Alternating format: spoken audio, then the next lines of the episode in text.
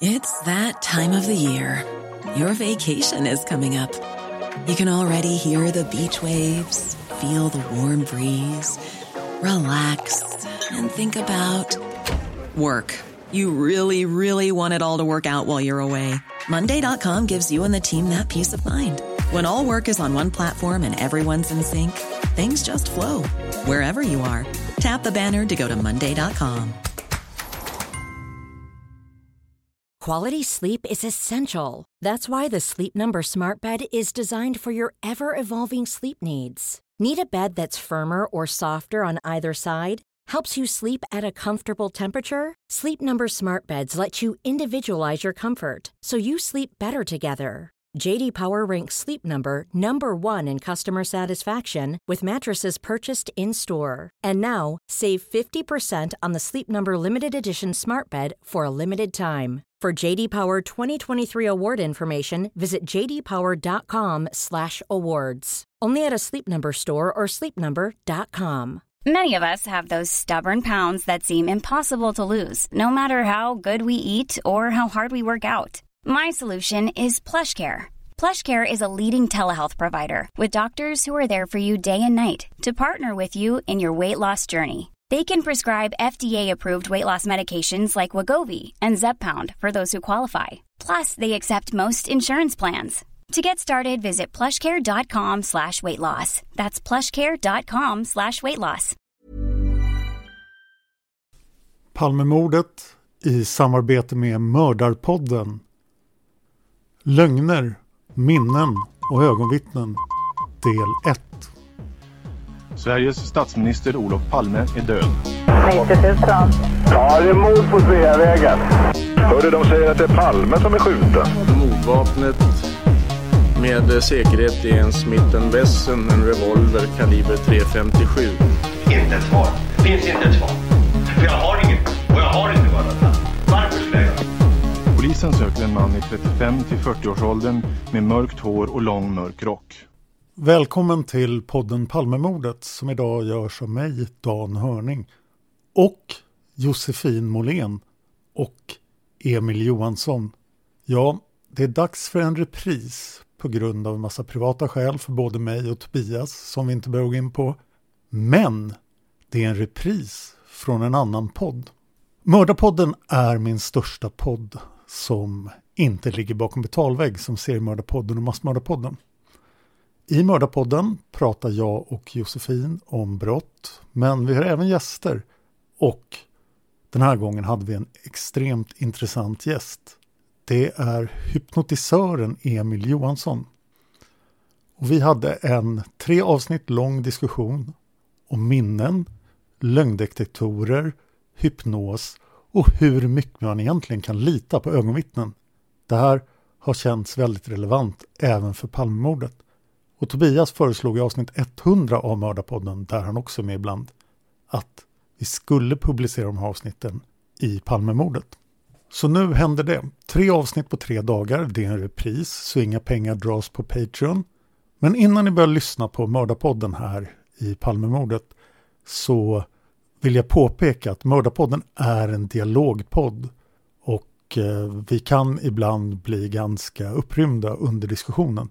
Men innehållet i de här avsnitten tycker jag i princip att alla som är intresserade av Palmemordet ska lyssna på. För det mänskliga minnet är inte alls så pålitligt som man kan tro.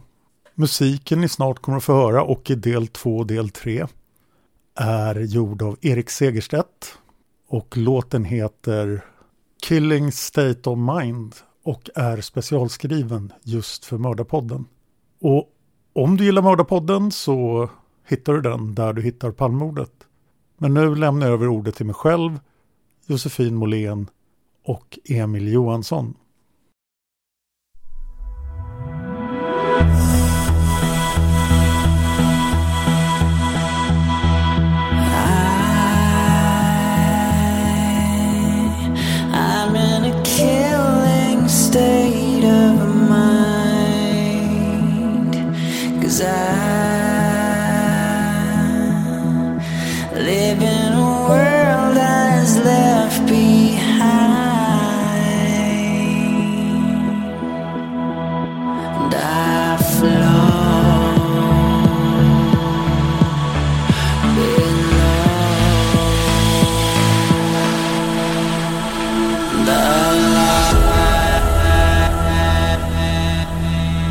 Du lyssnar på Mördarpodden.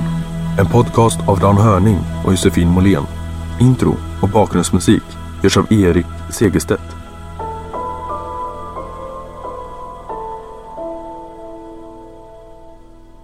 Välkommen till Mördarpodden. Mördarpodden har tagit upp många fall genom åren. Omskrivna såväl som mindre kända. De har stuckit ut i tid, plats, brutalitet, utredningsförmåga och domslut. Men det finns något som återkommit. Och främst i våra lite äldre amerikanska fall.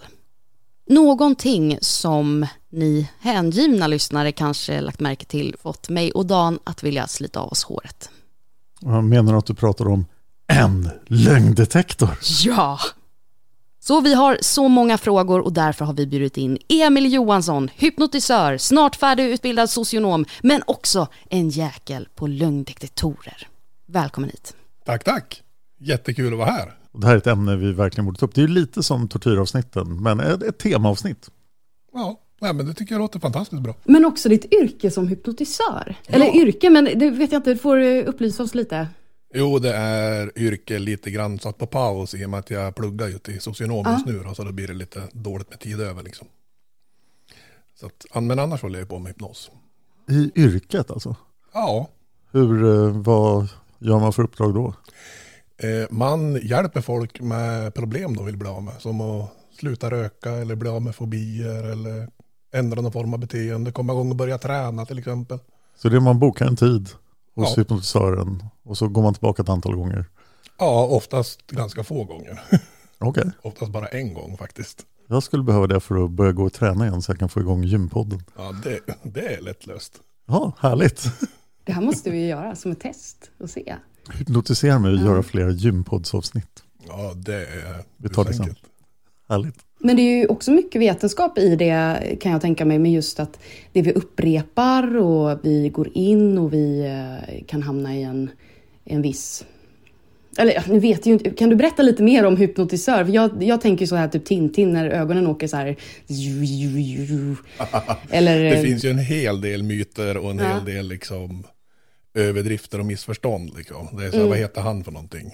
Ka eller vad heter han från Djungelboken? Den Ja. ormen, liksom, med de här snurrande ögonen. Precis, det var den jag tänkte på också. Ja, nej. Ormen. Nej, egentligen så hypnos är ju inte någonting supermärkligt egentligen. Det, man kan beskriva hypnos som, i, det är lite grann så här också, beroende på vilken hypnotisör du frågar får du olika beskrivningar. Men ska jag säga någonting om det så blir det att det är ju ett väldigt fokuserat tillstånd, då sinnet är väldigt fokuserat, men samtidigt så är man väldigt avslappnad, vilket är ett ganska unikt tillstånd på det här sättet. För i regel när man är fokuserad på något så är man också spänd. Så att det, egentligen så är det ganska enkelt. Liksom. Och ska man ta någonting som liknar, om du har tittat på en riktigt bra film någon gång och du är helt inne i den där filmen och upplever den som verklig, då är du hypnotiserad. Bara att det kallas inte för det då. Då kallas det för livlig fantasi eller någonting. Ja. Det var intressant. Spännande. Mm. För jag misstänkte ju att det var med, med vetenskap att göra, att det inte var att du blir en kanorm och Nej, nej, nej. det finns ju mycket vetenskapligt stöd för Ja. hypnos. Liksom. Det, många som håller på med hypnos räknas ju som alternativ medicin. Liksom. Och det har ju att göra med att väldigt många som håller på med hypnos är inte läkare och då blir det liksom att man är alternativ. Men just själva hypnosen har ju vetenskapligt stöd och används ju både inom sjukvård till viss del men också ganska mycket bland tandläkare. Där har hypnosen alltid varit stor av någon anledning. Jag vet inte riktigt varför, men där För deras klienter då eller? Ja, precis. För man blir väldigt avslappnad, väldigt lugn och så kan man liksom ligga på en strand och sola samtidigt som man är hos tandläkaren. Det mest spektakulära fallet i Sverige, det var väl i, eh, på Salgrenska. Så har man alltså amputerat en fot på en kvinna med bara hypnos som bedövning, ingenting annat. Oj, när hände det här? Jag kommer inte ihåg när det var, men det var inte, det var inte jättelänge sedan. Men det, är inte så här, det var inte i, liksom, i år eller någonting. Det var ett tag sedan tillbaks. Men det fanns, nu är det svårt att hitta det, men det fanns ett klipp på internet där de faktiskt intervjuar läkaren som gjorde det här, då han pratar om det. Oj. Eh, Hon hade blivit sövd förut den här kvinnan och eh, var jättesvår att väcka. Så hon höll på att dö liksom. Så hon bara blåvägrade att bli sövd. Men hon måste amputera foten. Så då var det så här, okej vi testar hypnos och sen stod det ju ett läkarteam, narkosteam redo utifall att det skulle behövas och liksom sövarna fort som attan om det blev så då. Men de körde hypnos, bara det gick bra. Wow. Det är rätt coolt. Och det, går man längre tillbaka i historien just så var det en indisk, nej inte en indisk, en engelsk eh, läkare som jobbade i Indien. Och han hade ju alltså flera hundra operationer som han gjorde med folk under hypnos. För de hade inte bedövningsmedel. Så han lärde sig hypnos och hypnotiserade folk och gjorde flera hundra operationer. Liksom. Och sen när han kom tillbaka till England och skulle presentera det här för liksom vetenskapsrådet i England och då var de så här, ja det här låter ju fantastiskt jättebra, men du vet, vi har hittat den här saken kloroform. Och så bara, jaha, det går mycket fortare. Skit, så då blev det inte så mycket mer med det här liksom. Åh, men det låter ju humant ändå. Ja, och det, det finns studier som visar att just hypnos för operationer leder till att man, man läker fortare och mår liksom bättre efter operationer om man har fått hypnos istället för blivit sövd. Så att det är liksom en, det är lindrigare för kroppen helt enkelt. Ja. Och vi kommer kanske gå in på den frågan lite hur man kopplar hypnos, eller varför man inte ska koppla hypnos till brott. Eh, eller brott, men eh, när man förhör en gärningsperson. Ja, och vittnen. Och vittnen, ja. Eh, och det kommer också, det är hypnos är faktiskt också inkopplad just till lögndetektorn och hur man lurar en lögndetektor. Alltså det här är så intressant. För det var ju så att du, var, du har ju suttit här i stolen för inte så länge sedan. Utan du var ju här hos min pojkvän Paul. Paul de Valle och eh, vad heter det, besökte Öppet sinne. Säger Ja. man. Var med i Öppet sinne helt enkelt. Avsnitt 196. Ja, det var ju så vi träffas. Ja. Jag hade, hade ju ingen aning om att det var du som hade den här podden. Nej, det var så roligt. Och så blev jag, eh, när jag fick reda på att du lyssnade på Mördarpodden, blev jag starstruck och bara wow, vi måste ta en bild. Så den bilden finns på Instagram. Eh, så det var ju väldigt roligt. Och då, efter ni hade spelat in där, så började vi prata om brott och om lögndetektorer och sådär. Mm. Och då kom vi fram till att du ska hit till fåtöljen igen och sätta dig i studion. Och vi måste gå igenom det här. För det finns en hel del frågor som jag har som handlar lite om hur lögndetektorer... Säger jag rätt förresten? Lögndetektorer? Eller är det lögndetektorer? Nej, detektorer måste det bli. Det är detektorer. Det är som detektiver. Hur de fungerar, vem som skapade Mm. dem och, eh, och om de fungerar Mm, framförallt. det är väl det som är den stora frågan. Ja, för att eh, det kanske har varit så att vi i alla avsnitt har, att jag har varit lite för mm, eh, dömande mot lögndetektoren, men jag vet inte. De funkar väldigt bra, men de funkar inte speciellt bra på att hitta just lögner. Nähä, vad hittar man då? De, de fungerar bra, det går att sätta igång dem. Ja. De. De hittar andra saker, men, Ja. men just lögner är väl Ja. frågan om de hittar. Liksom. För jag tänker alltid på min syster när det diskuteras lögndetektorer, eller detektorer. Eh, För hon, när hon ska tala sanning så blir hon så stressad om, hon, om någon liksom tror att hon ljuger. Så hon, eh, hennes puls går ju upp och hon blir lite stissig och försöker att övertala eller övertyga. Eh, och du sa att jag inte fick, eh, eller nej du sa ingenting, jag frågade om vi fick lov att läsa på lite innan eller om vi behövde det. Eh, men så sa du att nej, men det behövs inte. Men det råkade jag göra lite snabbt på Wikipedia. Och då förstår jag det som att lögndetektoren mäter även hur man eh, agerar på många olika sorters frågor.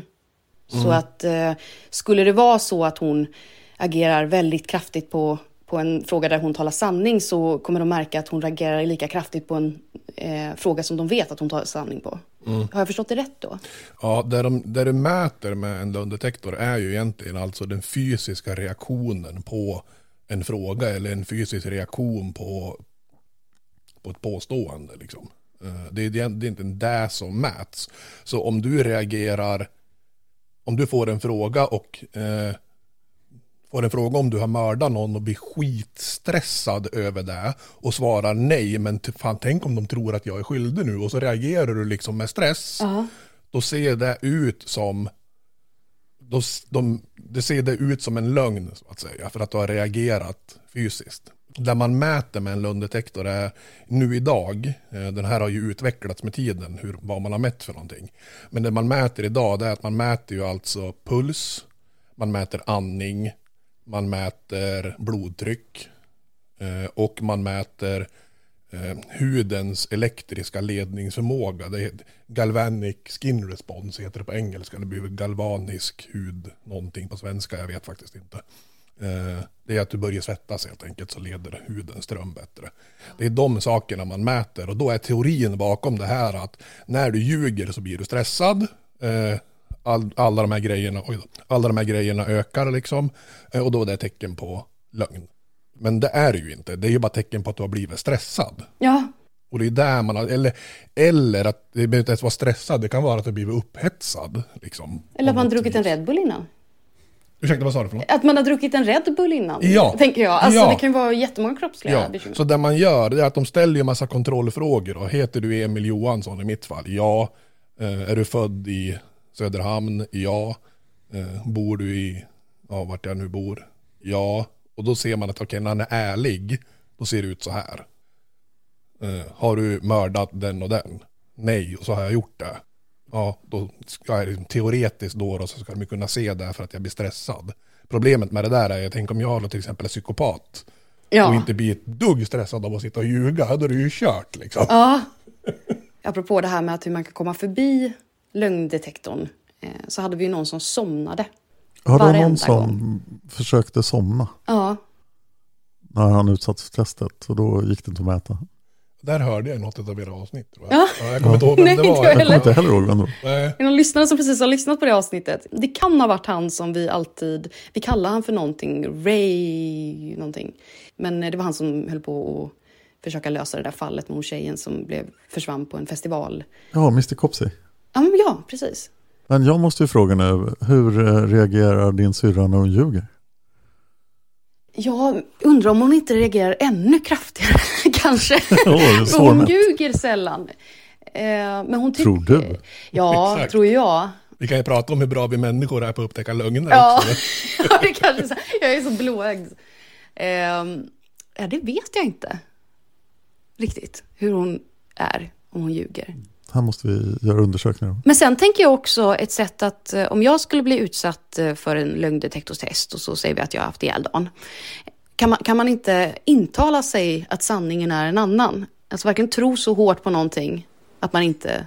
Mm. Nu, ta, om vi hoppar direkt till hur man lurar en lögndetektor, då, då finns det ju liksom två sätt att göra det här på kan man säga. Ja. Eh, Det ena sättet kan man kortfattat förklara, benämna KGB-metoden, för det tydligen lärdes ut till KGB-agenter. Och det var att, alltså går du in i ett lögndetektortest fullständigt övertygad om att du kommer klara det här, att du är liksom otroligt självsäker, du bara är cool, lugn, för du vet att du kommer att klara det här. Eh, och du samtidigt ehm, är lite grann manipulativ, lite charmig, så du ställer dig in hos den som gör testet. Ja. Bygger liksom rapport med den personen och liksom är lite trevlig och sådär. För att man ska veta också att det finns alltså ingen mall för hur du ska tolka en lögndetektortest som alla följer. Utan alla som gör det här har liksom sin egna lilla, Oj. lilla grej. Ja. Eh, Så att det, det blir väldigt personberoende. Så om du då alltså ställer, liksom är lite charmig och ställer in lite grann så att du liksom får en good connection med den som gör det, då har du ju fördel redan där. Eh, och det, det var vad de här KGB-agenterna lär sig. Liksom. Det är bara att självsäker, cool, lugn, var bara övertygad om att du kommer klara det här och ställ dig in hos den som gör testet. Då klarar du det. Liksom. Det var där de lärde ut. Och den andra metoden som, som, som används för att blåsa de här som är ganska vanlig. Eh, det har jag till och med, jag ska kolla på hans namn bara. Douglas Williams, så hette han ja. Douglas Williams då, han var en sån här kille som ledde såna här äh, lögndetektortester. Han gjorde tester på folk. Och han var fullständigt övertygad om att det här var på riktigt och det här funkar och det var fantastiskt. Eh, sen så var det någon kille som sa åt honom att men det är skitlätt att lura de här apparaterna och han bara va? Nej men det går inte. Jo jo. Det är bara det att om du sitter där och så gör du den här testen och när de ställer frågorna så kniper du ihop anus. då, då liksom förstör du hela testet. Ja! och ja, det är väldigt roligt. och han hade bara så här, men lägg av. Så jag gick in och satt och liksom körde igång hela lögndetektorn på sig själv då och provade det här. Och upptäckte att, oh oh, det här liksom, testet blir väldigt konstigt. Så han, han sa upp sig samma dag. och började helt enkelt hålla utbildningar i hur man lurar lögndetektorer. Och sen ut, ja, det är lite roligt, så sen utvecklade han det här vidare. Så hans metod, och där man kom, kom vi in lite grann på hypnos, det är att han, han försatte folk, han försatte folk i hypnos. Och så fick de föreställa sig att de var på en lugn, trevlig plats där de mådde fantastiskt bra. Och ja, vad det nu kan vara, det vill säga att du ligger på en strand och så fick du föreställa dig liksom. Så i hypnos fick du liksom uppleva liksom att du är på den här perfekta lugna platsen. Och sen använder man en teknik som kallas liksom inom, inom hypnos för att sätta ett ankare, vilket betyder att man idrottare gör det här. Att man, man gör någon typ av gest eller någonting som man kopplar ihop med den här känslan av lugn och harmoni och avslappning. Så till exempel om jag trycker ihop pekfinger och tumme och tänker lugn medan jag är i det här jättelugna tillståndet i hypnos så kan man alltså få det till att jag sen när jag inte är i hypnos, om jag gör den här gesten, trycker ihop de här fingrarna och tänker lugn så hamnar jag tillbaks i det här mm, sentillståndet. Liksom. Ja. Eh, så då ankrar man lugn. Och sen efteråt så eh, fick de föreställa sig att de gjorde någonting som de var väldigt, väldigt rädd för. Eller till exempel om de hade en spindelfobi fick de tänka på spindlar så de blev superstressade och superrädda och spända och allting i hypnos. Och sen ankra det på ett annat sätt. Så då hade de ju tillgång till lugn och skräck bara på kommando. Eh, Och sen när du gör det här lögndetektortestet då, när de ställer kontrollfrågorna så löser du hela tiden ut det här skräckankaret. Så då får du ju en hög registrering på din baseline. Att så här är den här personen normalt. Eh, Och sen när du gör själva lögndetektortestet då kan du alltså styra vad det ska se ut som. Så om du på alla frågor svar, där du svarar ärligt. Som, var du på den här platsen? Nej, och så var det ärligt och så löser jag ut det här. Då kan jag ju liksom, på det här viset så kan du alltså när du ljuger och ska ha en hög enligt lögndetektorn så kan du dämpa den genom att lösa ut lugnankaret. Och när du svarar på saker som borde få en låg grej så kan du lösa ut skräckankaret och få upp dina värden. Vilket gör att du får ett helt platt kurva. Och då kan de inte läsa ut någonting på lögndetektorn. Då ser du ju hela tiden liksom, var du än svarar så blir det samma respons. Ja. Och då kommer du förbi hela det här. Så då ser det ju ut som att du är ärlig. Vi borde ju nästan lova på Patreon att får vi, får vi tusen Patreons, då ska vi sätta Dan i en lögndetektor. Oj, oj. Jag vet inte vad vi ska fråga dig om, men Jag kommer bara komma ihåg att knipa anustrick. Men på det här viset, så med de här två ankarna så kan du alltså styra liksom. Då kan du ju få det se ut som att ja. Du kan ju också om du vill då få det se ut som att du ljuger. Liksom, heter du Emil Johansson? Ja. Och så löser du ut ankaret och så ser det ut som att du ljuger. Och det blir ju jättekonstigt för de vet ju att du heter det. Men varför ser det då ut som att du ljuger? Då blir liksom hela den detektortesten värdelös. För det blir ju uppenbart att det är någonting konstigt med testen. Ja. Den här killen var inte populär. Han dog 2019. eh, Han som höll på med det här. Men han var inte populär i Amerika. Nej. Det, de lyckas faktiskt göra en typ av sting operation. Då de satt dit han så han hamnade i fängelse i två år. Jaha, för att... De menar på att han, att han hjälpte brottslingar att komma undan. Och han var väldigt noga med att aldrig, aldrig, aldrig få veta. För folk, man kunde alltså hyra in honom som konsult och så lärde han upp dig. Eh, men han ville aldrig veta om du var skyldig till brottet som du skulle. För då blev det olagligt. Så han var väldigt noga med att aldrig veta. Men då gjorde de en sting operation och de försökte den här om och om igen. Då en FBI-agent berättade att ja, jag är ju skyldig egentligen. Eh, Och då blåste han alltid av, så här, men då hjälper inte jag dig. Men en gång gjorde han inte det. Och Nej. då tog de han på det. Och låste in honom i två år. Fy. Men när han kom ut så fortsatte han. Hur, hur är det med lögndetektortest? Finns de idag? Alltså, gör man på riktigt runt om i världen? Ja, I? Amerika är det fortfarande jättevanligt. Eh, och det används av... Det används, jag tror det är 35 delstater i Amerika som fortfarande använder det. Och det används av FBI, CIA och heter de NSA, National Security Agency eller någonting. Och de använder det också för att screena sina egna anställda. Och speciellt när de nyanställer. Har de gjort några brottsliga handlingar, de frågar liksom ut dem innan de blir anställda. Alltså man pratar om när någon blir dömd så det måste finnas bevis. Och jag, jag tycker att det här är, det är så slumpartat. Det är fullständigt rappakalja. Alltså det, Ja. finns, det finns inget vetenskapligt. De skulle lika gärna kunna köra med så här, vad heter det, slagruta. Det är precis lika viable liksom. Ja. Det, det är rappakalja fullständigt. Men har det, har det något bevisvärde i någon amerikansk delstat? Det används bara för utredningar, eller? Mm, det används väl, i- jag tror att det stort sett bara används i utredningar, men det är vissa delstater då det faktiskt har bevisvärde om bägge parter går med på det. Om åklagaren och advokaten går med på det så får det användas som bevis i vissa delstater. Men vilket fall är det? Då måste de ju vara överens på något sätt. Ja, det, det är konstigt det där för att det finns ju inget fall då de skulle för det, antingen bevisar du ju skyldig eller oskyldig om man går med på det här och, Ja. och det är väl ingen av oss, så att det, är, det är jätte, jag kan inte tänka mig att det någonsin händer att Nej. används på det här sättet, för det vore ju otroligt korkat av hela ja. sidan att göra det här liksom. Men, men sen används det också i Europa, vilket är lite tragiskt då, då. Var någonstans då? I Lettland och Belgien. I Belgien? Ja. Ungefär 300-350 gånger om år i olika rättsfall. Också som utredningsmetod eller Ja, som som utredningsmetod mestadels. Eh, Och sen har man börjat använda det i England.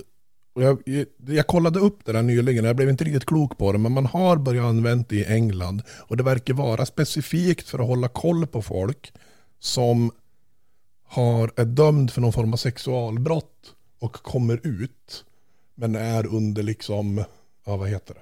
Ja, villkorlig frigivning. Ja, precis. Villkorlig frigivning. Att liksom hålla, frågor ut dem om de liksom, har du gjort någonting eller har du liksom haft några sådana här återfallstankar och bla bla bla. Att det används på det sättet på något vis. Okej. Men som sagt, det har ju inget vetenskapligt stöd. Det finns en förening som är någonting så här National Polygraph Association eller någonting i Amerika som har typ 3000 medlemmar.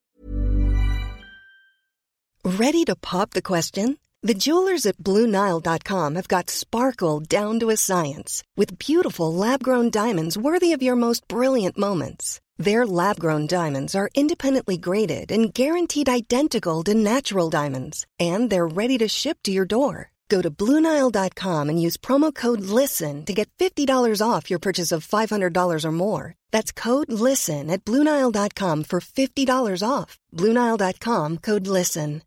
If you're looking for plump lips that last, you need to know about Juvederm lip fillers. With Juvederm Volbella XC and Juvederm Ultra XC, your lip look, whether it's subtle or bold, can last up to one full year with optimal treatment and no additional maintenance. Find a licensed specialist and see if it's right for you at juvederm.com today. That's J U V E D E R M.com. Add fullness to lips in adults over 21 with Juvederm Volbella XC or Juvederm Ultra XC. Do not use if you have severe allergies or a history of severe allergic reactions, or if you're allergic to lidocaine or the proteins used in Juvederm. Tell your doctor if you have a history of scarring or taking medicines that decrease the body's immune response or that can prolong bleeding. Common side effects include injection site redness, swelling, pain, tenderness, firmness, lumps, bumps, bruising, discoloration, or itching. As with all fillers, there's a rare risk of unintentional injection into a blood vessel, which can cause vision abnormalities, blindness, stroke, temporary scabs, or scarring. For full important safety information, visit juvederm.com.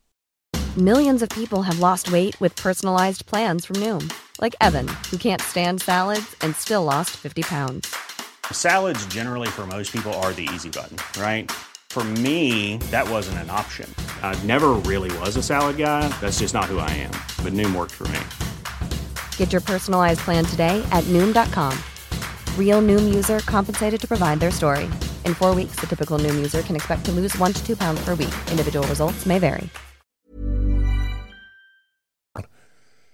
De stödjer sig på, jag tror det är typ 80 stycken vetenskapliga artiklar som de stödjer sig på när de pratar om att det här funkar. Men folk som har kollat på de där, alltså jag tror det var 57 av de här artiklarna, är bara, de ratas fullständigt för de är liksom, det är dåligt gjort, det är felaktiga liksom, det är inte vetenskapligt skött överhuvudtaget när man väl kollar på de här studierna, eller så drar de extremt långa slutsatser på Ah. väldigt lite material. Så att det är 57 av de här studierna bara såger folk rakt av liksom. Men ändå används det. Ändå används Ja. Är det så enkelt att det helt enkelt omsätter jättemycket pengar? Tror du? Kan vara så. Kan vara så. En sån här undersökning går Ja. på typ 700 dollar. Så Mm. 7000 spänn då, typ. Och den omsätter, tror det var, två biljoner dollar den här industrin i Amerika. Miljarder på svenska. Ja, ja. miljarder. Ja. Två miljarder dollar. Ja. Det, Det är ju sjukt mycket pengar. Sjukt mycket pengar. Så att, ja, det kan det vara där det ligger i kanske. Kan, det låter som ett starkt incitament att fortsätta med den här hokus pokus-konsten. Ja, sen finns det ju en form av en form av hotfaktor. För det, det är ju många som tror på att lögndetektorer funkar. Så då kan det ju bli den här effekten att folk är ärligare när de sitter med en lögndetektor på sig. Och man använder ju knep för att lura folk med det här. Antingen kan man göra det avancerat eller enkelt. Den superenkla varianten är att jag har en kortlek med 52 spader S. Och så säger jag åt dig att dra ett kort. Ja, du drar ju naturligtvis och spader S. Och sen så frågar jag, nu ska du svara nej på vad jag än frågar dig. Har du hjärter S? Nej. Har du ruter S? Nej. Har du spader S? Nej. Har du klöver S? Nej. Ja, jag såg att du ljög på spader S. Åh fan, tänker du, det här funkar ju. Shit. Nu är det lika bra att jag är ärlig, för de kommer ju ändå se när jag ljuger. Så det kan ju ha den effekten. Vilket är ett inte ett helt ovanligt knep som de gör. Det kan väl också vara ganska bra för att gallra misstänkta om man har ett stort antal. Och så frågar man dem, är du villig att gå igenom ett lögndetektortest? Och så är det någon som säger nej. Så Då kan, blir det han mer intressant. så kan det också vara. Men sen är ju faran då, då som när folk ställer upp en lögndetektortest och så bara, och det har man ju sett i massor med rättsfall att ja men de körde ett lögndetektortest på det och den här killen klarade sig så han släppte dem från utredningen. Det är så här, Ja. wow, okej. Det var lite, kanske inte så smart för det här Nej. betydde egentligen ingenting liksom. Nej. Men och så finns det ju de eh, misstänkta som så gärna vill göra ett lögndetektortest. Mm. Att de säger, men jag vill göra det här. Då antar jag att de inte tror på lögndetektorn. nej, eller så vet de bara att det här är bullshit, att de kan lura det. Gary Ridgway, den Green River Killer, många, han mördade väl typ 49 kvinnor eller något sånt där. Någonting där. Ja, han gjorde ju två lögndetektortest och klarade bägge två. Han, var ju, han brydde sig inte, han var cool lögn liksom. Och sen var det en annan kille, nu minns jag inte vad han heter, men han eh, rapporterar ju in och berättade att han kände några av de här offren. Och då var det så här, ah, ställde du upp en lögndetektortest? Och han bara okej, och han misslyckades. Så han hade ju problem i många, många, många, många, många år av att polisen liksom... Det var den där taxiföraren. Ja, precis. Ja, taxiföraren. Jag trackas, fullständigt trakasserad av polisen i åratal. Liksom. Men han var, alltså, det visade sig han var ju fullständigt oskyldig. Eh, Så den är bra på... eller den är inte bra för lögnarna heller, så, men eh, den, den är bra för att få folk att pra, prata sanning. Men sen kan man inte veta om de pratar sanning eller inte. Nej, nej. Det är som sagt, det finns ju liksom inget, inget speciellt bra stöd. Den lögndetektorn kan användas på ett sätt som, det här är det ju vanliga sättet, det är att ställa frågor. Liksom, var du på den och den platsen? Ja, det var jag eller nej. Det är ju det vanliga sättet. I Japan gör man på ett lite annat sätt. Och det sättet har visat sig fortfarande vara väldigt, väldigt dåligt. Men det är åtminstone bättre än det här frågesättet. Ja nej-sättet. Den har högre träffsäkerhet men fortfarande värdelöst och inte alls någon idé att använda. Men ändå bättre. Och då använder man det på det här sättet att eh, vi säger att du Josefin har mördat Dan. Ja, Varför återkommer vi till det här? jag gillar den tanken. Och du har skjutit honom med en 357 Magnum. Ja, ja. Ja, passande. Och den här pistolen är försvunnen, revolvern är försvunnen. Ja, det känns som det Känner du liknar igen någonting. från någonting Dan, liksom? Ja, lite grann. Finns det något fall då det... Ja, det, det finns nog ett. Och du kanske sköt när han var på väg ifrån en bio. Mm. Bara sådär. Runt 86 där. typ. 12 år innan jag föddes. Och då kallas det här för The Guilty Knowledge Test. Kallas det här testet för. Och det man gör då det är att man tar in en person som inte vet ett smack om brottet. Som gör själva testet. Så om jag skulle göra det här med dig nu så jag, har, jag vet ingenting Mm. om det här fallet överhuvudtaget. Så jag kan inte påverka. Och så frågar jag dig. Ja, men alltså i det här mordet så användes det en kniv. Eller ett gevär. Mm. Eller en revolver. Eller ett gift. Och då är tanken att när du som vet att det här var en revolver så kommer du att fysiskt reagera. För att du kommer bli så här "Åh!" när du hör revolver. Ja. Och då ser man det på lögndetektorn. Oj. Och det här var en revolver som det var 9 mm revolver, 357 Ja. eller var det 45 Och då när du hör 357 så... Och då syns det. Ja. Men gör det det? Det här är alltså bättre än frågemetoden. Ja. Men det är fortfarande dåligt. Väldigt dåligt. Ja. Men det är intressant att det är bättre. Så att Ja. det, det finns ett sätt att göra det på som är bättre än det sätt som nästan som görs på alla andra ställen i hela världen, typ utom Japan. Och använder japanerna här i domstolen eller också bara utredningar? Är också bara utredningar. För man är fortfarande ganska enig, världsligt enig om att det är inte, inte bra. Och det, det är så lustigt det där, för det kommer liksom utredningar, sta, amerikanska stater, amerikanska polisen, eh, massa fristående organisationer har ju gjort vetenskapliga studier på det här och alla är så här, nej, de är inget bra. Och ändå fortsätter man. Det är helt otroligt. Något mer land som använder det? Inte vad jag kommer på nu. Kanada?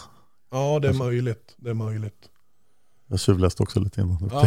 det, det användes i väldigt begränsad utsträckning i Kanada. Okej, ja. Du sa till mig att du inte hade tjuvläst. Jag hann med lite tjuvläsning. Du ljög! Nu när du var på balkong.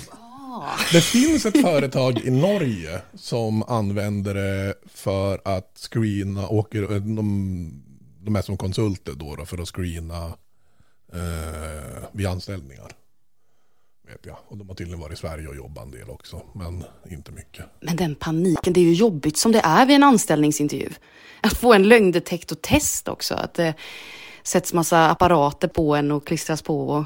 Nej, det är ju stressande bara där liksom. Men sen blir det ju väldigt, väldigt konstigt. För, att till och med jag, med, fast jag vet det här, så kan jag komma på mig själv att tänka när någon nekar en lögndetektortest i någon utredning som att, varför gjorde han det? Ja.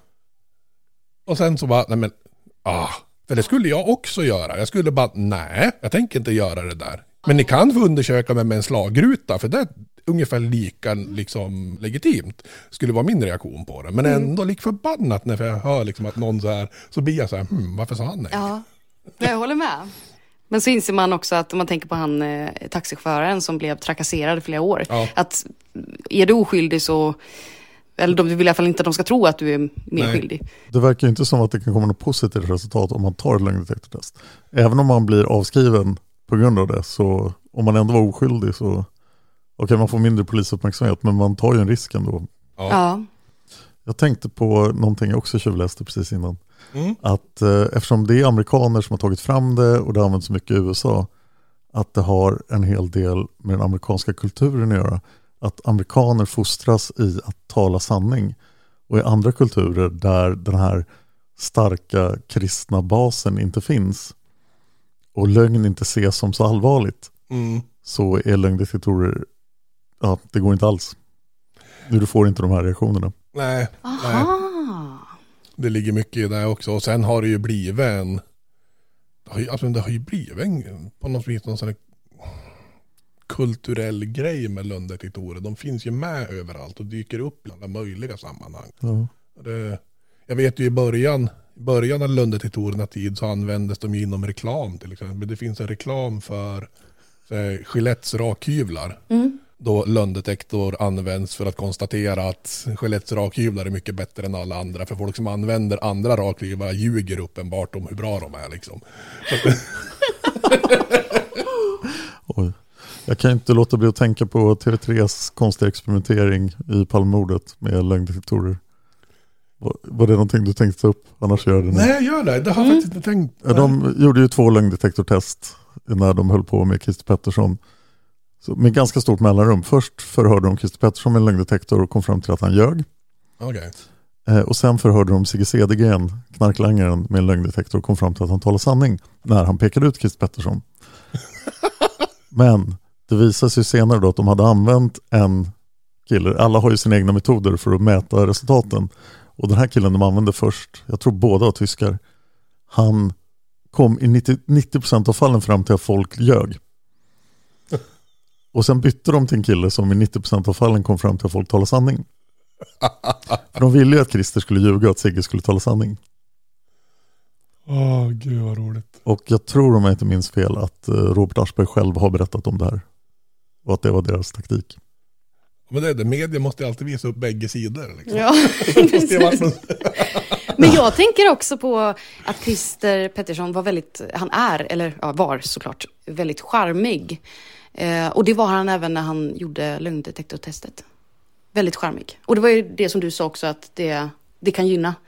Sen så är det väl mer logiskt att det gynnade för att de hade tagit in någon som i största andelen av fallen sägs att det är sanning. Det är verkligen också enda gången jag har sett lögndetektorer användas i Sverige. Mm. Ja, vi har ju inte använt det och det är ju, det är ju tur det. Det är bra. Det finns tillräckligt mycket ovetenskapligt jidder. Jag behöver inte ha in en sak till liksom. Nej.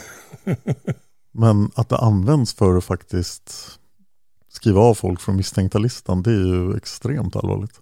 Ja, och det, så det ser man ju liksom ibland när man tittar på olika utredningar och när man läser och lyssnar och så här att ja, men, han gjorde en lögndetektortest men han klarade den så att då släppte de honom och så Mm. fokuserar de på annat och det är så här bara, men, men vad Ja.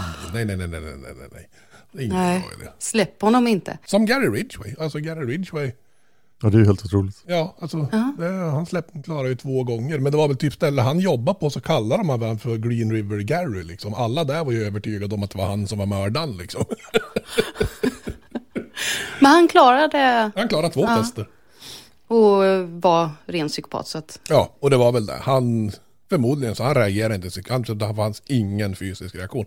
Och det där är ju lite, det är jäkligt intressant för det finns, det finns en bok som heter The Good Psychopath's Guide to Success. Eh, som då är, nu minns jag inte vad författaren heter, men han är psykolog. Och eh, han skriver den här boken ihop med en kille som är före detta specialstyrkesoldat som också är psykopat. ja.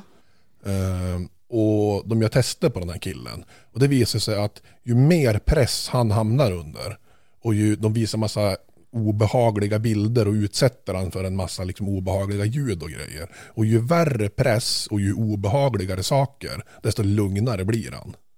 Åh! Vilket också då, då så är, så att när, när en psykopat hamnar i ett förhör så blir de kolugn. Ja.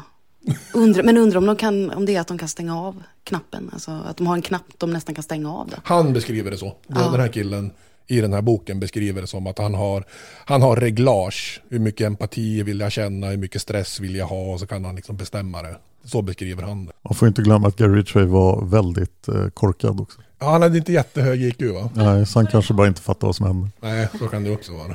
Det var inte han som skickade in eh, till polisen, du har berättat det Dan, skickade in, ja vad var det för någonting, en hårddisk? Nej, ingen Nej, hårddisk. det, nu tänker du på eh, Dennis Rader, PTK. Ja.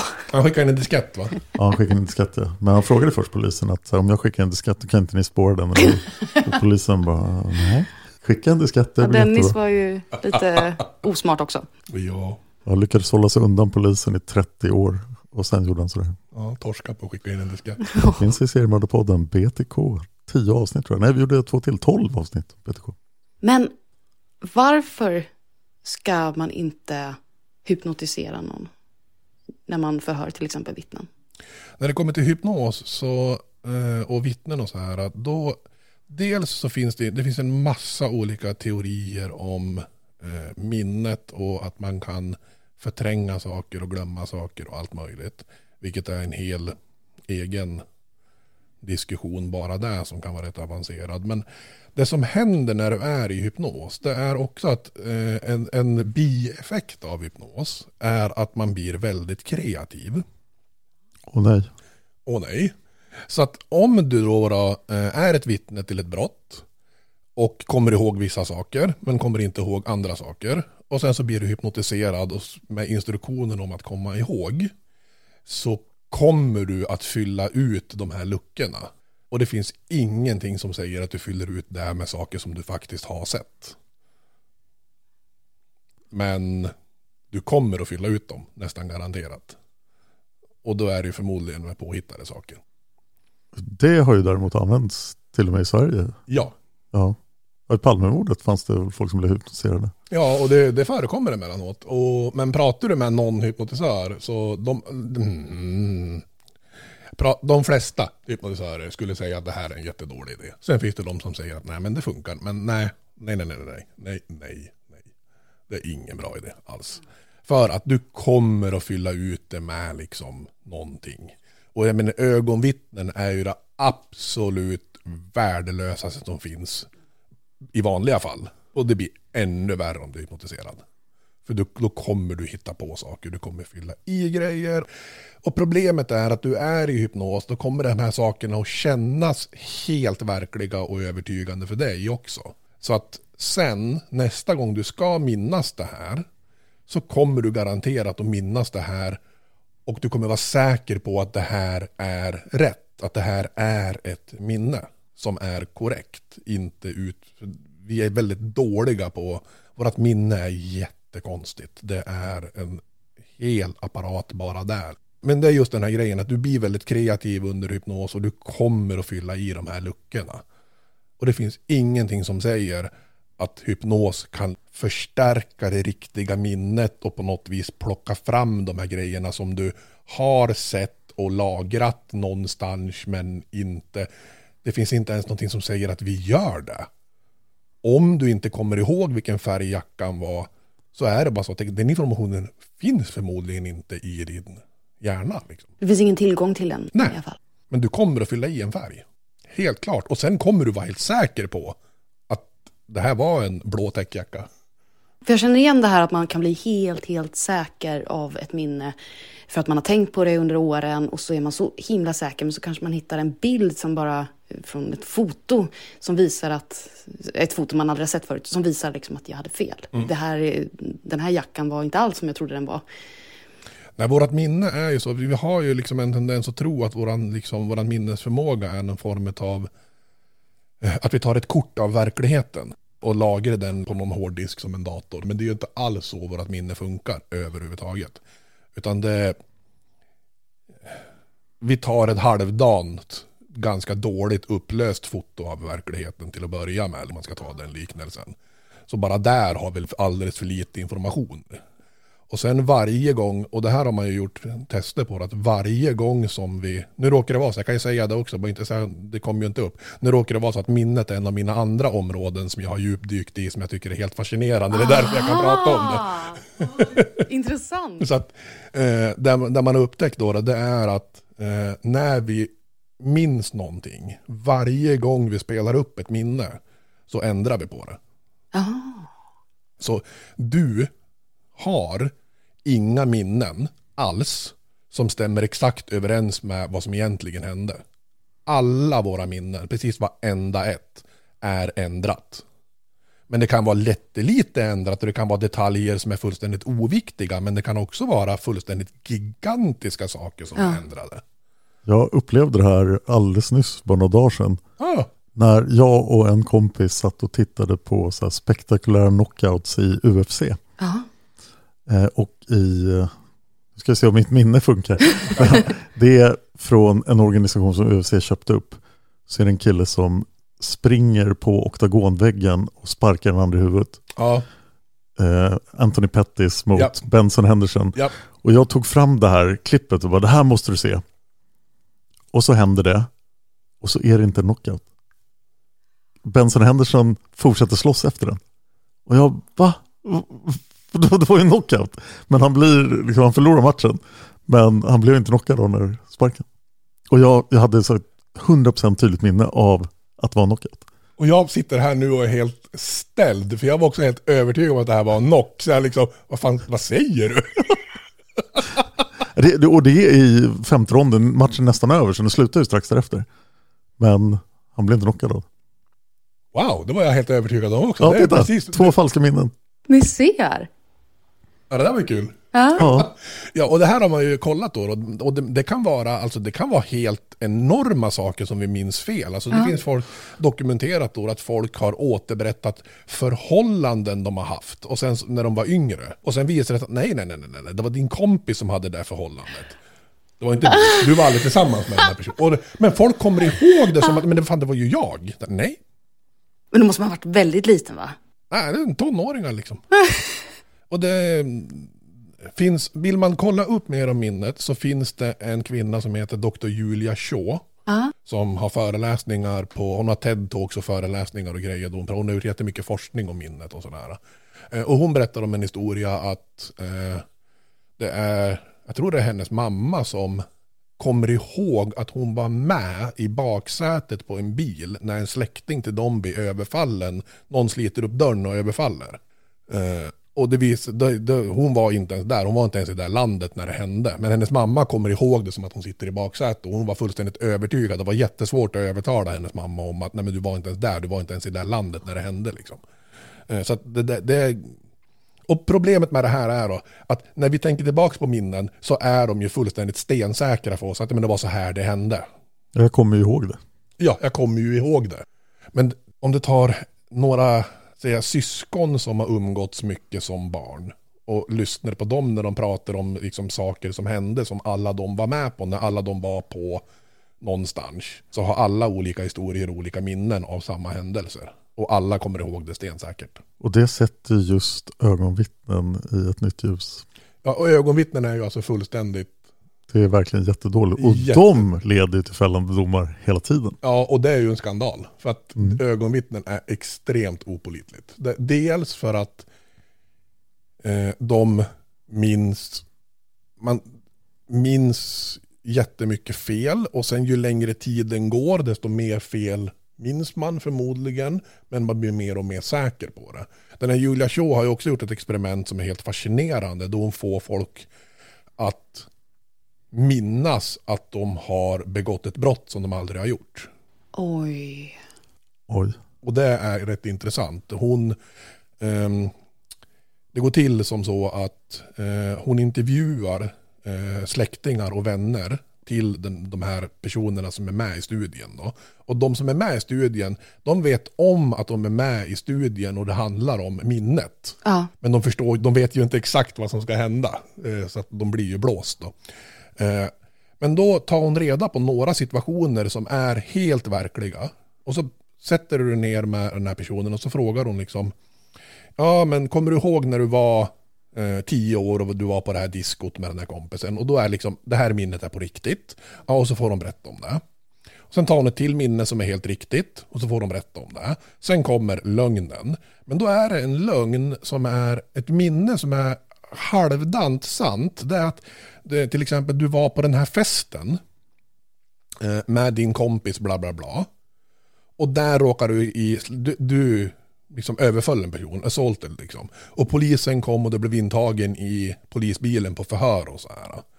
Eh, och sen så blev du släppt så att, ja, och sen, men det ledde liksom aldrig till någonting. Men du gjorde det här överfallet och du blev förhörd av polisen sittandes i polisbilen.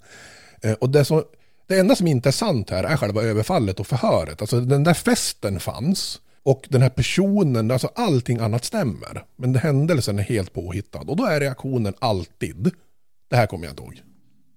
Jag minns inte det.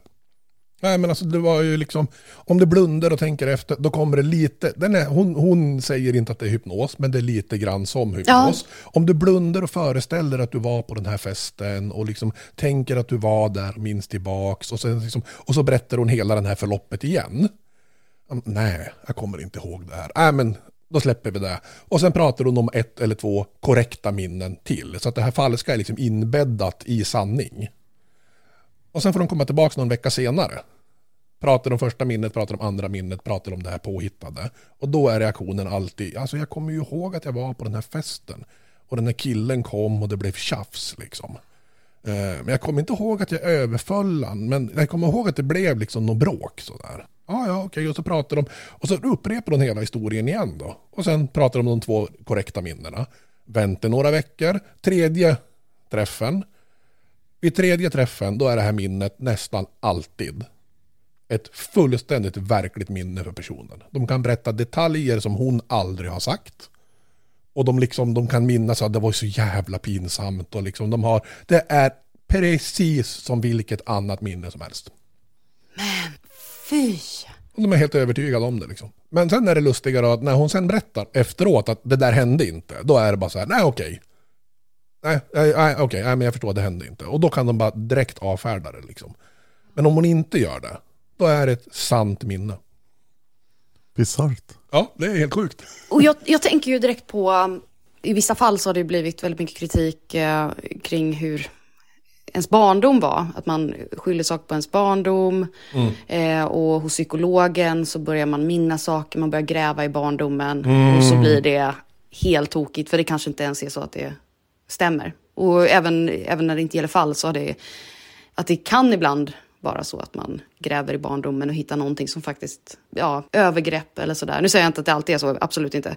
Eh, för det finns för många som har varit utsatta för övergrepp i barndomen. Men det finns i alla fall fall där man undrar om det kanske är minnen. Som du säger, att man börjar, att man tror på det, man tror verkligen. Det finns, ju två grejer här. Det ena med det är ju folk som, som erkänner mord som de inte har begått. Och sen få prata om det och prata om det och prata om det och prata om det. Och sen så, alltså de kommer ju ihåg till slut att de har gjort det fast de inte har gjort det. Det blir ett äkta minne för dem att de har gjort det här. Kan det leda till då. då eh, vilket blir ganska komplicerat. Eh, och sen har du det med absolut mest välkända, skulle jag vilja påstå, eh, som har just det här med, falsk, har det här med att komma ihåg saker och så vidare. Det är ju hela Satanic Panic-grejen. Liksom. Mm. Det är ju bara baserat, hela den grejen är ju bara baserat på implanterade minnen hos barn och vuxna om saker som aldrig har hänt överhuvudtaget. Förklara lite mer om det. Eh, Satanic Panic utspelas ju i Amerika på, på 80-talet va? Ja, 70 till 90 kanske. Ja, 70 till, ja, det höll på rätt länge. Eh, men det är ju alltså idén om att det finns ett gigantiskt utspritt satanistiskt nätverk som offrar och eh, ut, offrar barn och utsätter barn för sexuella övergrepp. Och det här förekom jättemycket på förskolor. Och det var, de hade liksom underjordiska katakomber som sträckte sig liksom i, stort sett under hela Amerika. Alltså det, det är så fullständigt galet när man hör det. Så att det så här, det kan, hur kan någon ens ha trott på det här överhuvudtaget? Men det var högst verkligt. Eh, och det började alltså med en eh, kvinna som gick till en psykolog som under hypnos upptäckte att hon hade blivit utsatt för sexuella övergrepp. Och det där utvecklades vidare att hon hade blivit utsatt för sexuella övergrepp i satanistisk setting. När hon var barn? När hon var barn. Och sen att det var fler barn inblandad och att det här var en jättestor grej. Och den här killen skrev en bok om det här som heter... Gud, jag kommer inte ihåg hennes namn. Hennes namn, whatever it was, remembers. Så om hon hette Lucy så hette boken Lucy Remembers, men jag minns inte hennes namn. Och den här boken blev en bestseller. Var på den här killen blev superkänd och blev liksom expert starten på förträngda minnen i barndomen och satanic ritual abuse som det hette då.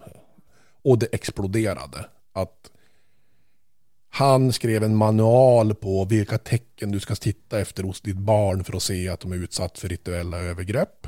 Och det, det är tecken som är så här 90% av alla barn visar upp något av de här tecknen. Liksom. Ja. Eh, så det exploderade och blev en jättegrej i Amerika. Var man började förhöra barn och de började berätta historier. Och kom, började komma ihåg, andra vuxna började plötsligt komma ihåg att de hade varit utsatt för det här när de var barn. Och det, så att det här blev ju en, det, var, det här var en jättestor grej i Amerika under massor med år. Och det sitter folk fängslad än idag. Baserat på det här som är fullständigt hittepå alltihop. Det har man konstaterat. Alltså FBI har ju undersökt det här i dödagar. De har inte hittat något bevis alls för att det här inträffade någon Det gång. påminner extremt mycket om häxprocessen. Ja, det är ju häxprocesserna fast take två bara. Liksom. Jag kommer ihåg ett av de här fallen där det är två döttrar som blir övertygade om att de har varit utsatta för det här och att deras pappa är en av Ja. de som har utsatt dem. Inte ovanligt. Ja, och han blir också övertygad om att det är han. Så han erkänner. Och sen tar det då massor av år innan han fattar att han inte har gjort det här. Mm. Och då vet man ju redan att det inte har hänt. Mm. Men han sitter än idag. Ja. ja. Men utsatt, då utsattes han för någon form för att komma ihåg detta. Så Ja, han förhör, för- och- Förhören i sig för, själva. Förhören i sig har liksom, har liksom, som egentligen då, då som Dr. Julia Shaw där gjorde med sina studenter. Ja. I princip samma sak. Så han, det, fan, det var ju jättemånga av dem som helt enkelt erkände, för de, till slut så kom de ihåg att men jag har ju gjort det här. Mm. Eh, Och som sagt, det sitter, ja, som du sa, det sitter folk fängslad fortfarande. Eh, De har ju suttit liksom i 40 år inlåst för någonting som de inte har gjort. Den här Titanic Panic-grejen, den svävar ju lite grann kvar fortfarande i Amerika. Det är ju bara att titta på hela den här uh, Pizzagate. Ja. Med Clinton, den här pizzerian där de, uh, pedofilringen, det har ju sin grund i den här Titanic Panic. Så det finns fortfarande kvar i Amerika, Titanic Panic-grejen ligger fortfarande bubblor under ytan och tar liksom nya former bara om och om igen. Det känns egentligen som att den börjar ju lite grann i Salem, liksom med häxprocesserna. Det är ju samma grej. Säkert liksom. ännu tidigare. Ja, förmodligen. förmodligen. Så det, men det är baserat på falska minnen, att man kan i princip hypnotisera folk till att tro att de har gjort.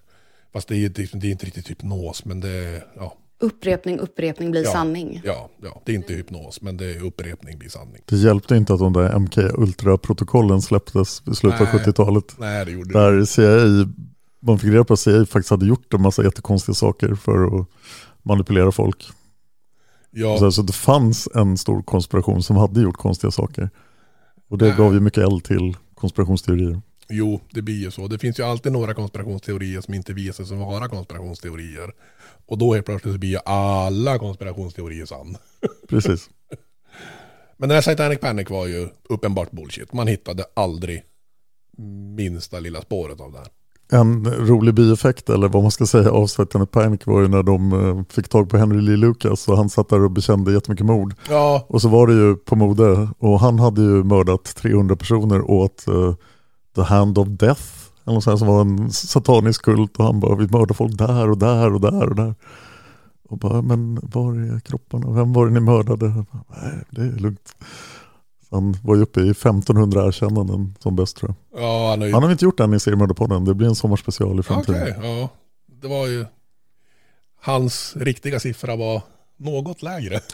Ja, jag tror nu i talande stund att det var tre mord, men det är fortfarande lite osäkert. Men vi kommer Men göra... tre, tre, 300, jag menar. Ja, till skillnad från Thomas Quick som ju aldrig mördade någon, så hade han ju faktiskt mördat någon. Ja, men Thomas Quick hade väl motiv också eh, när han erkände att han ville ha mer medicin. Ja, erkänn så får du lite mer benzo. Ja, benzo, kul. Men han kan väl också ha varit väldigt utsatt för den typen, om man säger så. Han blev ju väldigt guidad. Jag har ju tittat på, på de här vallningarna av honom när han är vid något tält och grejer. Och det blir ju, det är ju ren parodi när man, Mm. när man Ja. ser dem hur det går till. Liksom. Det är ju så här, de visar ju i princip honom vad han ska göra för något och sen gör han det och alla bara joho! Nu Duktig. vet vi att det var Lite han. benzo. Och men herre min skapare Mm. liksom. Det, han ligger bara följa John liksom. Han gör det de visar att han ska göra. Det är ju ja, knäppt. Sen kan han ju också ha haft någon, för det finns ju chans att han på något vis mindes det också. Det är ju inte helt omöjligt liksom. Med tanke på att det är lätt att manipulera minnen och om man då i så många år hela tiden får höra, får höra, får höra, borde man inte... Varför kan vissa människor avstå från det och se sanningen medan andra lätt tar till sig av och tror på falska minnen? Ja, bra fråga. Jag tänker också även eh, Kevin-fallet, hur de eh, poliserna där behandlade barnen. Mm. Det är ju helt fruktansvärt. Och det är nästan konstigt att barnen inte får, får annorlunda minnen av det som hände. Ja, det skulle vara intressant att prata med dem hur Ja. de, om de upplevde det så. För att jag kan mycket väl tänka mig att de någon gång i sitt liv faktiskt har så här, men alltså det var nog jag. Ja, Oh, men det har de väl sagt? Har de ja det kanske Eller? de har sagt. Jag kanske kommer ihåg fel, men jag tror att de, alltså, en av anledningarna att de ville ha skadeståndet var ju att de hade ju trott att de hade mördat Kevin. Ja, och det, för mig är det fullt rimligt. Alltså Mm. det, För barn måste ju vara mycket lättare att påverka på det här ja, sättet. oja, oja, oja, oja. Vi har ju i vår serie om Viola Widegren på Olösta mord så finns det ett avsnitt som är ett helt fruktansvärt barnförhör från 1948. Det är en åttaåring som då var i rummet det, sista gången Viola sågs som blir förhörd av överkonstapelkommissarien i området som är jättearg på den här åttaåringen. Han står och skriker åt åttaåringen och hon gråter och, och det förhöret används i utredningen. Ja, det är Och det kan inte ha något värde, han kunde ha sagt vad som helst och hon hade svarat.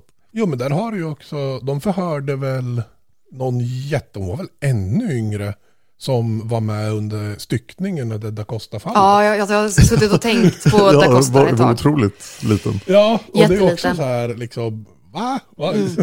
håller ni på med? Och framförallt, för nu blev det ju aldrig någon dom där, tack och lov, men det skadade ju eh, överläkaren och... Ja, det blev ju ingen dom för mord, men de dömdes väl för att ha styckat kroppen? De blev av med sin... Ja, just det, jag så tror, blev jag tror de, döm, ja, precis, Ja. de dömdes för så här, skändande eller vad det nu var för någonting, men inte för mord, vilket är bara så här, jaha? Mm.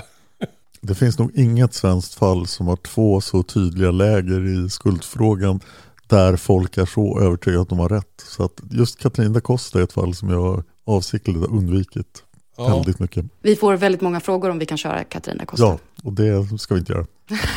Tycker Dan. Men tjata lite till på han. Ja, ja, Ja, vill vi jag, jag, jag vet ju vad jag tror liksom i det här fallet. Mm. Det mest intressanta med Katarina Costa vi kan vara säkra på är att utredningen saboterades ganska hårt av Palmemordet. Mm. Ja. ja.